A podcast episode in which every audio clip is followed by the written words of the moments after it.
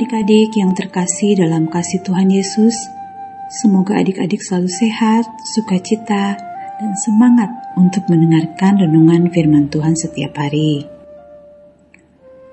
Yuk mari kita siapkan Alkitab kita dan sebelum membaca Alkitab bersama-sama, mari kita berdoa. Puji syukur kepadamu ya Tuhan Yesus, saat ini kami siap untuk merenungkan firman-Mu. Biarlah Tuhan yang berbicara kepada kami, supaya kami mengerti firman-Mu dan melakukan dalam kehidupan kami setiap hari. Dalam nama Tuhan Yesus, amin. Mari sama-sama kita buka Alkitab dalam kitab Yakobus pasal 2 ayat 14 sampai 17. Yakobus 2 ayat 14 sampai 17. Demikian firman Tuhan. Apakah gunanya saudara-saudaraku jika seorang mengatakan bahwa ia mempunyai iman, padahal ia tidak mempunyai perbuatan? Dapatkah iman itu menyelamatkan dia? Jika seorang saudara atau saudari tidak mempunyai pakaian dan kekurangan makanan sehari-hari, dan seorang dari antara kamu berkata, "Selamat jalan, kenakanlah kain panas dan makanlah sampai kenyang." Tetapi ia tidak memberikan kepadanya apa yang perlu bagi tubuhnya. Apakah gunanya itu? Demikian juga halnya dengan iman. Jika iman itu tidak disertai perbuatan, maka iman itu pada hakikatnya adalah mati. Adik-adik, tema renungan kita hari ini adalah menjaga sesuatu yang berharga. Menjaga sesuatu yang berharga ayat pokok kita di kitab Yakobus pasal 2 ayat 17. Yakobus 2 ayat 17. Demikian juga halnya dengan iman. Jika iman itu tidak disertai perbuatan, maka iman itu pada hakikatnya adalah mati. Tiga hari yang lalu, Bintang memecahkan celengannya dan mengambil seluruh tabungannya Bintang memberi baju basket dari temannya. Hari ini, Bintang membawa baju tersebut pulang ke rumah. Wah, Bintang senang sekali.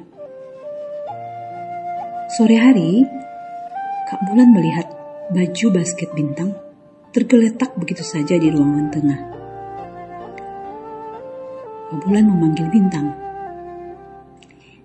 Bintang, ini kan baju basket yang baru kamu beli kok ditaruh di sembarangan di sini sih?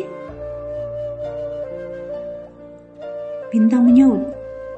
Oh iya, tadi aku baru lihat sambil nonton TV. Mana bajunya kak? Aku simpan di lemari ya. Kata Kak Bulan agak kecewa. Bintang, bintang, ini kan baju basket yang kamu beli dengan seluruh uang tabunganmu kok sekarang kamu gak udah sebaik-baik sih? Pernahkah adik-adik mendapatkan suatu barang yang berharga, namun setelah barang berharga tersebut sudah didapat, adik-adik lupa untuk merawatnya? Pernah seperti itu? Setelah barang tersebut rusak atau barang bahkan hilang, Apakah adik-adik kecewa? Wah, kecewa pastinya ya. Demikian juga dengan kerajaan surga. Tuhan sudah memberikan kerajaan surga kepada adik-adik dengan mengirimkan Tuhan Yesus sebagai juru selamat kita semua. Dengan menerima Tuhan Yesus, kita menjadi anak-anak Tuhan dan kelak akan menjadi warga negara kerajaan surga namun kadang kita lupa status kita sebagai anak-anak Tuhan. Yuk, kita tetap menjaga status kita sebagai anak-anak Tuhan dengan selalu mendengar dan menjalankan perintahnya.